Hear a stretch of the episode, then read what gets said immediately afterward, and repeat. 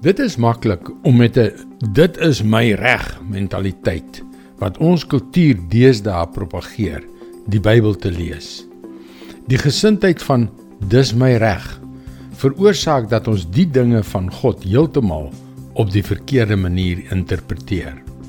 Hallo, ek is Jockey Gouchee vir Bernie Diamond en welkom weer by Vars.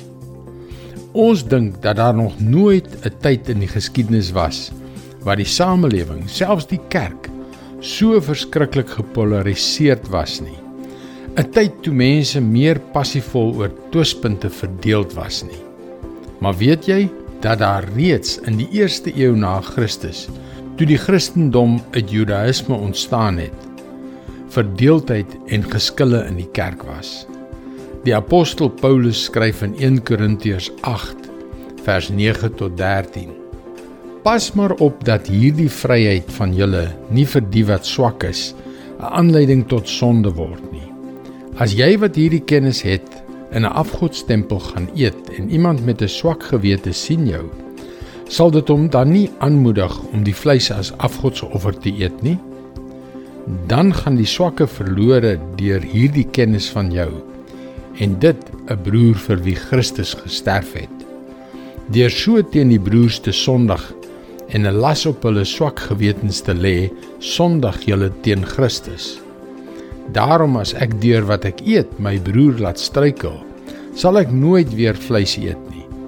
Ek wil nie my broer se val veroorsaak nie.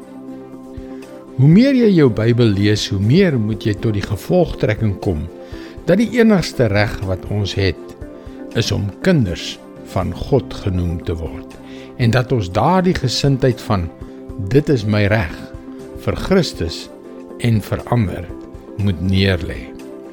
Dit is God se woord vars vir jou vandag.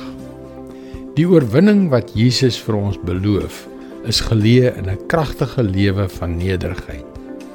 Dit is waarom ons jou graag wil uitnooi om na ons webwerf varsvandag.co.za te gaan waar jy kan inskryf om daagliks 'n boodskap van Bernie Diamond per e-pos te ontvang. Luister weer môre op dieselfde tyd na jou gunstelingstasie vir nog 'n boodskap. Seënwense en mooi loop.